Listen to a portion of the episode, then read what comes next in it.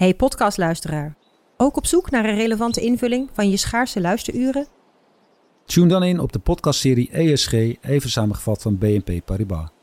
Wij, Marloes en Aldert, spreken daar duurzame voorlopers en wereldverbeteraars. Waarover dan? Nou, bijvoorbeeld of we ooit duurzaam kunnen gaan vliegen. En waarom koeien in de stad nou een goed idee is? Dat en meer elke twee weken in een nieuwe aflevering. Dus abonneer je. ESG, even samengevat. Vanaf de redactie van NRC het verhaal van vandaag. Mijn naam is Thomas Ruip.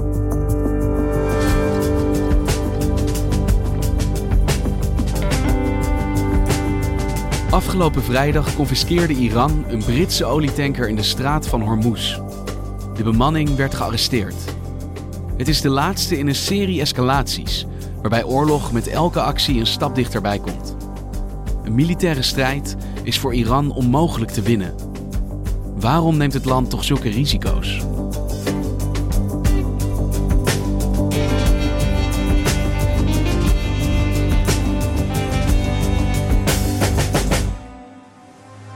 Goedemiddag. Iran heeft een Britse olietanker in beslag genomen. Het is een nieuw incident in de oplopende spanning tussen Iran en het Westen. Het is hommeles met Iran en daar wordt iedereen zenuwachtig van. Iran heeft een heel strategische positie voor de levering van olie over de hele wereld. De tanker werd gisteren in de straat van Hormuz geënterd door de Iraanse revolutionaire De garde. belangrijkste route om olie te vervoeren is via de straat van Hormuz. Het gaat om deze locatie. Deze plek, 's werelds belangrijkste oliesnelweg, is het middelpunt van geopolitieke spanningen geworden. Vier jaar geleden ben ik naar de straat van Hormuz gegaan. Omdat er al zoveel crises waren geweest. En de Iraans-Iraakse oorlog onder andere. En omdat Iran elke keer dreigt om die straat af te sluiten. En dan een enorme economische ramp over de wereld zou eh, uitgieten. Carolien Roelands is Midden-Oosten-expert. Vorige week verscheen haar nieuwe boek Dwars door het Midden-Oosten. Ehm, nou, en die straat van Hormuz die is eh, 40 kilometer breed ongeveer. Je kan ook in zeemijlen, maar ik doe het in kilometers. En het is gewoon een, een, een blauwe eh, zeestraat met eh, daar dobberen wat olietankers. Nou ja, ze varen daar.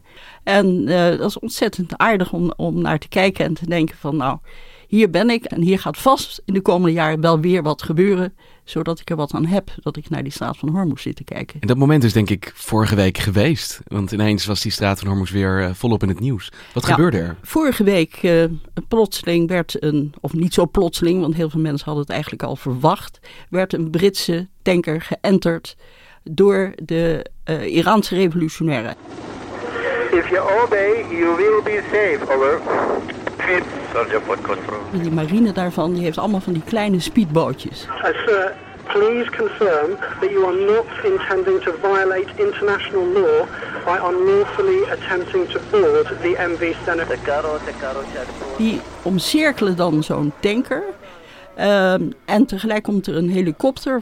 En die zet allemaal gardisten af. Hè? Militairen zijn dat in feite. Op, dat, op die tanker. Die abzeilen gewoon naar beneden Die zo'n tanker op. absoluut. En dan eh, gaan ze naar de gezagvoerder of de kapitein, of hoe dat in de juiste marinetermen heet. En dan zeggen ze van nou, we zetten koers naar een Iraanse haven en je hebt geen keus, we gaan.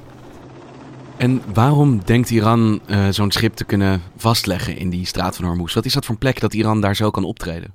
Die heeft te maken met het feit dat de Britten een Iraanse tanker hebben aangehouden en opgebracht bij Gibraltar. Die op weg was naar Syrië. Want dit was een Britse tanker aangehouden door de Iraniërs. Maar Ja. een aantal weken geleden hebben de Britten we- dus een Iraanse hebben- tanker aangehouden. Precies. Waarom hier? Wat is het belang van die straat van Hormuz dat al deze krachten daar botsen? De territoriale wateren van Oman en Iran eh, raken elkaar daar in het midden. Dus het is geen internationaal water, maar het is Iraans Het is water. Helemaal in Iraanse en Omaanse wateren. Het belang van de straat van Hormuz is natuurlijk dat er gigantisch veel olie en gas, eh, LNG, passeert een vijfde deel van de olieconsumptie van de wereld die per tanker wordt vervoerd, passeert langs de straat van Hormuz. Dus die komen allemaal door die 40 kilometer nauwe Allemaal. corridor. Allemaal door die 40 kilometer. Dus dat, dat is natuurlijk een enorm belang. Nou, het is gewoon een wapen in handen van Iran, zou je zeggen. Die hebben altijd gezegd: Als wij geen olie kunnen exporteren door die straat van Hormuz, dan niemand. Zover is het nooit gekomen, want Iran kon altijd uh, olie exporteren. Maar dat verandert natuurlijk nu door die sancties van de Amerikanen. De Amerikanen hebben nu gezegd: uh, wij gaan de hele olie-export van Iran afknijpen. Wij willen hem tot nul terugbrengen. En dat zie je ook dat dat tot op zekere hoogte ook is gebeurd. De olie-export van Iran is tot uh, een half miljoen vaten per dag teruggebracht. En als je denkt dat in vroeger tijden dat 6 miljoen vaten waren. Dus nou zou je kunnen zeggen dat um, dichterbij komt dat het voor Iran een belang is om af te sluiten. Ik betoog dat het niet echt een belang is voor Iran, omdat er een heleboel andere dingen ook spelen. Maar gewoon olietechnisch zou je kunnen zeggen, is het in het belang van Iran om nu die straat van Hormuz af te sluiten. Want die spanning is in ieder geval dus daar enorm uh, toegenomen. Terwijl ik het gevoel had de afgelopen jaren dat het vrij rustig was rond ja. Iran en daar. Waar is dat veranderd? Het was heel rustig sinds, uh, zou je kunnen zeggen, 2015. Het uh, nucleaire verdrag tussen Iran en de wereld. En dat uh, verdrag dat was bedoeld om ervoor te zorgen dat Iran geen kernbom bouwt. Al in de jaren negentig zijn onderhandelingen begonnen tussen Europa en Iran om daar palen en perken aan te stellen. Om uh, Iran ertoe te brengen dat ze bijvoorbeeld geen uranium meer zouden verrijken. Want uranium verrijkt uranium heb je nodig voor die kernbom. Nou, Iran zei altijd, nou we willen heel veel doen, maar niet ophouden met uranium verrijken.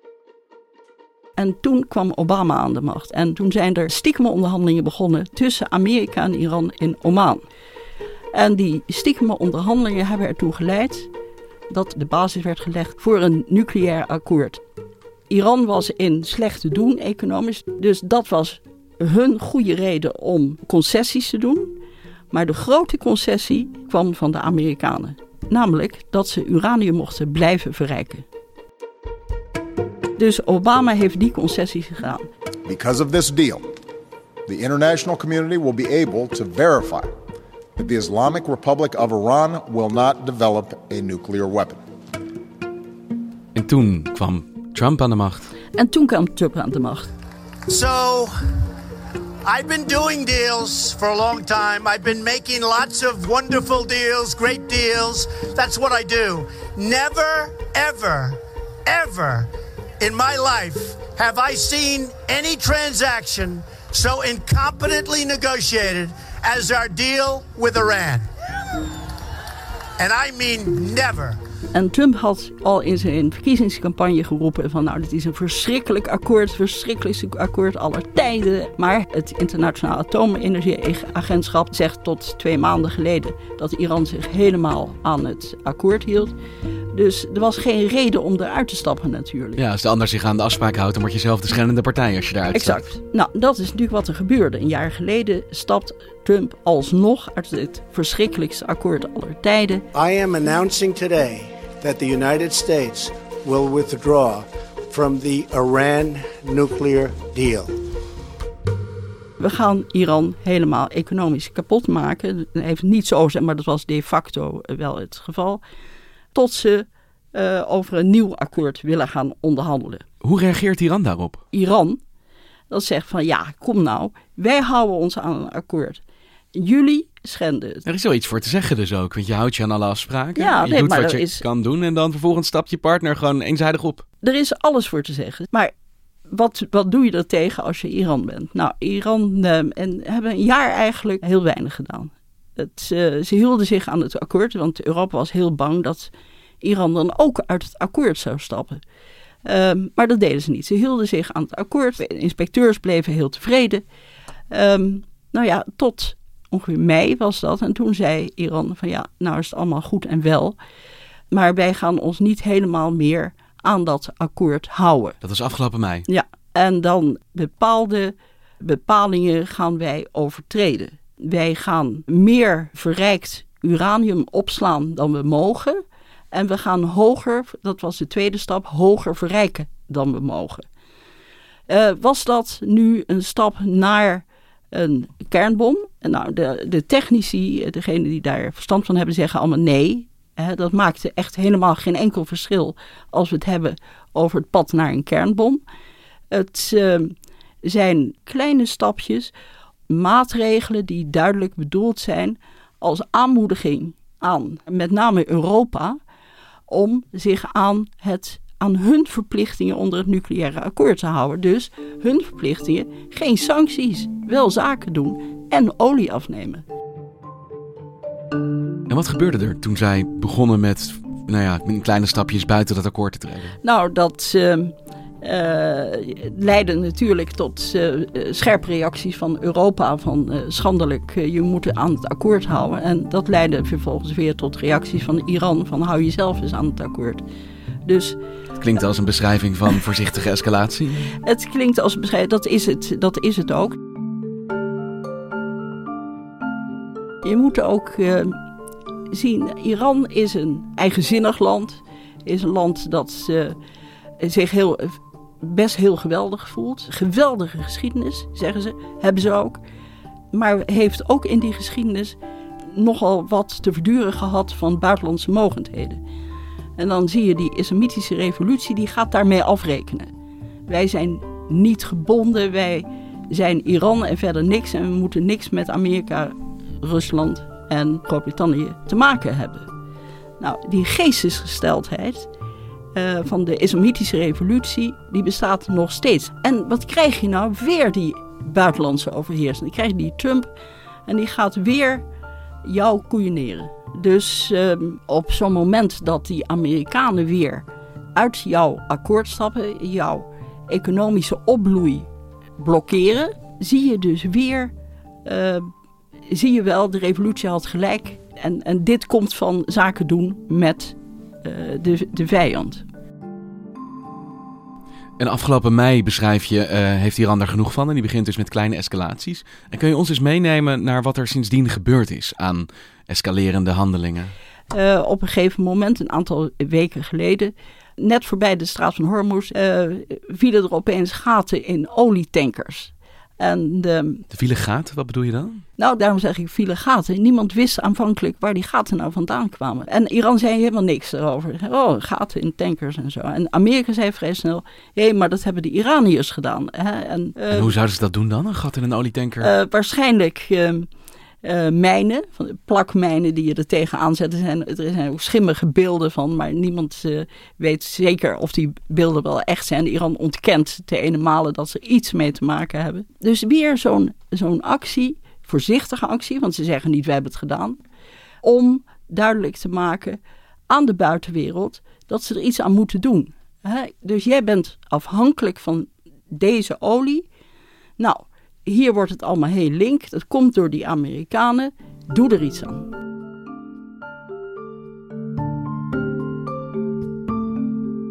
En vervolgens krijg je een Amerikaanse drone die uit de lucht wordt geschoten. We have breaking news from the Middle East at this hour. Iran says that it shot down an American drone flying over its territory, raising fears that a larger military conflict could break out in the region. Dit erkennen ze wel. Uh, wij hebben deze spionagedrone, dit was ook een spionagedrone, in ons luchtruim uit de lucht geschoten. En wij hebben niet een bemand vliegtuig uit de lucht geschoten. Maar kleine prikken uitdelen om de boel een beetje te laten escaleren, om je onderhandelingspositie te verbeteren, is één ding. Maar het uit de lucht schieten van een drone lijkt me een gigantisch risico. Nou, het, uh, het bleek het risico waard. Uh, de Amerikanen zeggen dat ze een, een, een, een tegenactie hadden, wilden ondernemen. Een, een aanval ondernemen op een uh, Iraanse basis in Iran.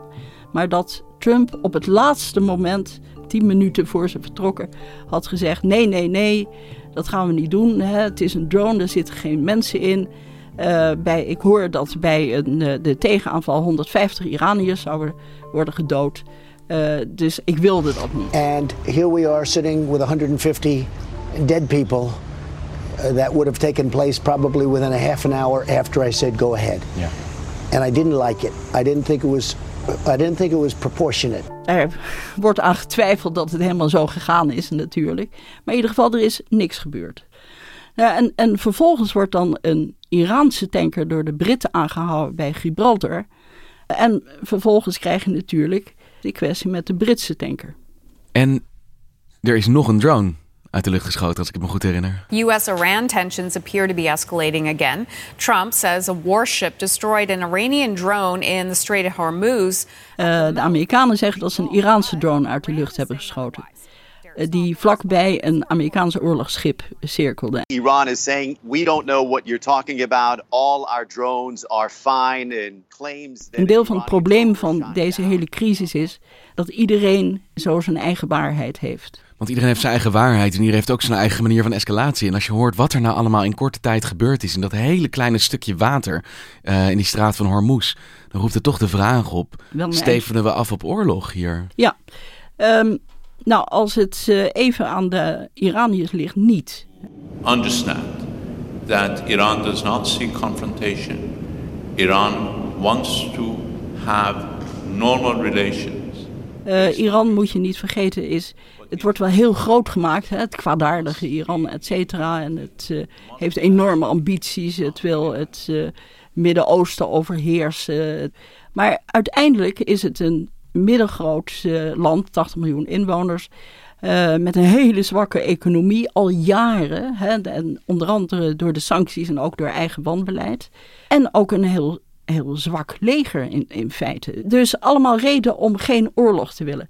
Maar hebben, ze zien zichzelf als een heel belangrijk land. Dus uh, ze kunnen niet niks doen. Ze moeten iets terug doen, omdat ze zo geweldig zijn, volgens... Uh... Caroline, ik snap dat daar ongelooflijk frustratie heerst en dat ze het gevoel hebben, wij kunnen dit niet allemaal aan onze kant laten gaan. En toch, als ik hoor dat Iran zo'n olietanker inneemt, dat ze een Amerikaanse drone uit de lucht schieten, denk ik, jongens, doe nou niet, je speelt met vuur hier. Jullie hebben alleen maar te verliezen als dit oorlog wordt. Ja, en ik denk dat iedereen enorm te verliezen heeft als het oorlog wordt. Het, um, um, het risico van escalatie is heel groot. Natuurlijk, het risico van een, een vergissing hier of daar is ook heel groot. En, en niemand zou er beter van worden. En dat heeft onder andere weer te maken uh, met het feit dat de Iraanse verdediging buiten Iran heeft georganiseerd. Dus in Libanon, in Syrië, in Irak. Ja, dus je zegt dat als je nu een oorlog ziet tussen de VS en Iran, dan is het niet alleen een oorlog tussen die twee mogendheden, maar dan ontploft alles in die regio, dan, omdat alles verbonden is met elkaar. Omdat alles verbonden is, omdat Iran heel zorgvuldig hun bondgenoten hebben verzameld en, en, en, en ervoor hebben gezorgd dat ze heel veel steun zouden krijgen. Hoe wordt dit patroon doorbroken? Uh, hoe moet hier een einde aankomen? Nou, dat, uh, dat, is heel problematisch inderdaad. Nou, je hebt het al gehad over de zakenman Trump. Trump zegt ik wil een deal.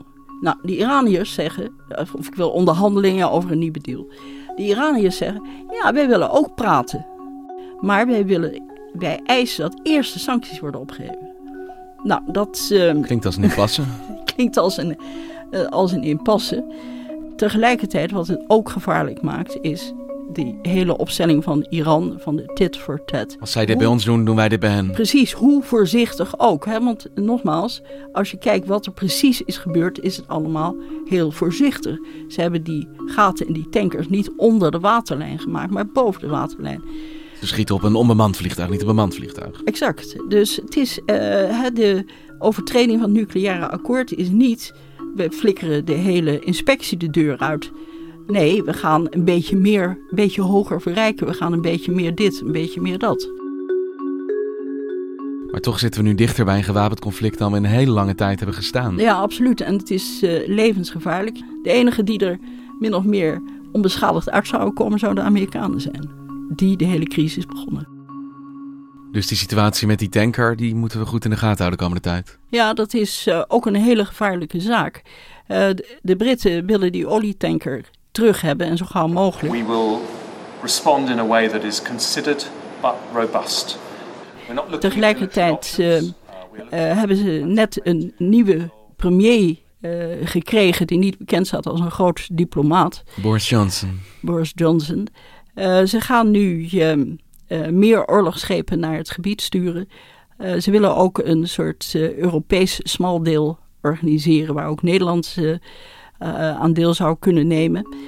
Tegelijk uh, is dat uh, een, een, een gevaar, ook weer een gevaarlijke ontwikkeling. Want als je steeds meer oorlogsschepen naar het gebied dirigeert, wordt ook de kans, het gevaar steeds groter dat er ergens iets totaal misgaat. Everybody understands that starting a conflict may be easy.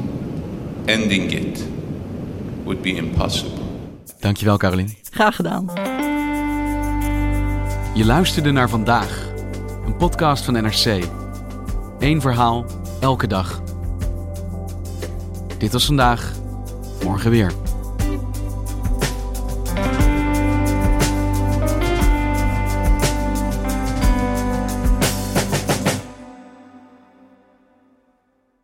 Technologie lijkt tegenwoordig het antwoord op iedere uitdaging. Bij PwC zien we dit anders. Als we de potentie van technologie willen benutten, kunnen we niet zonder een menselijk perspectief. Human-led, tech-powered noemen we dat. Ga naar pwc.nl.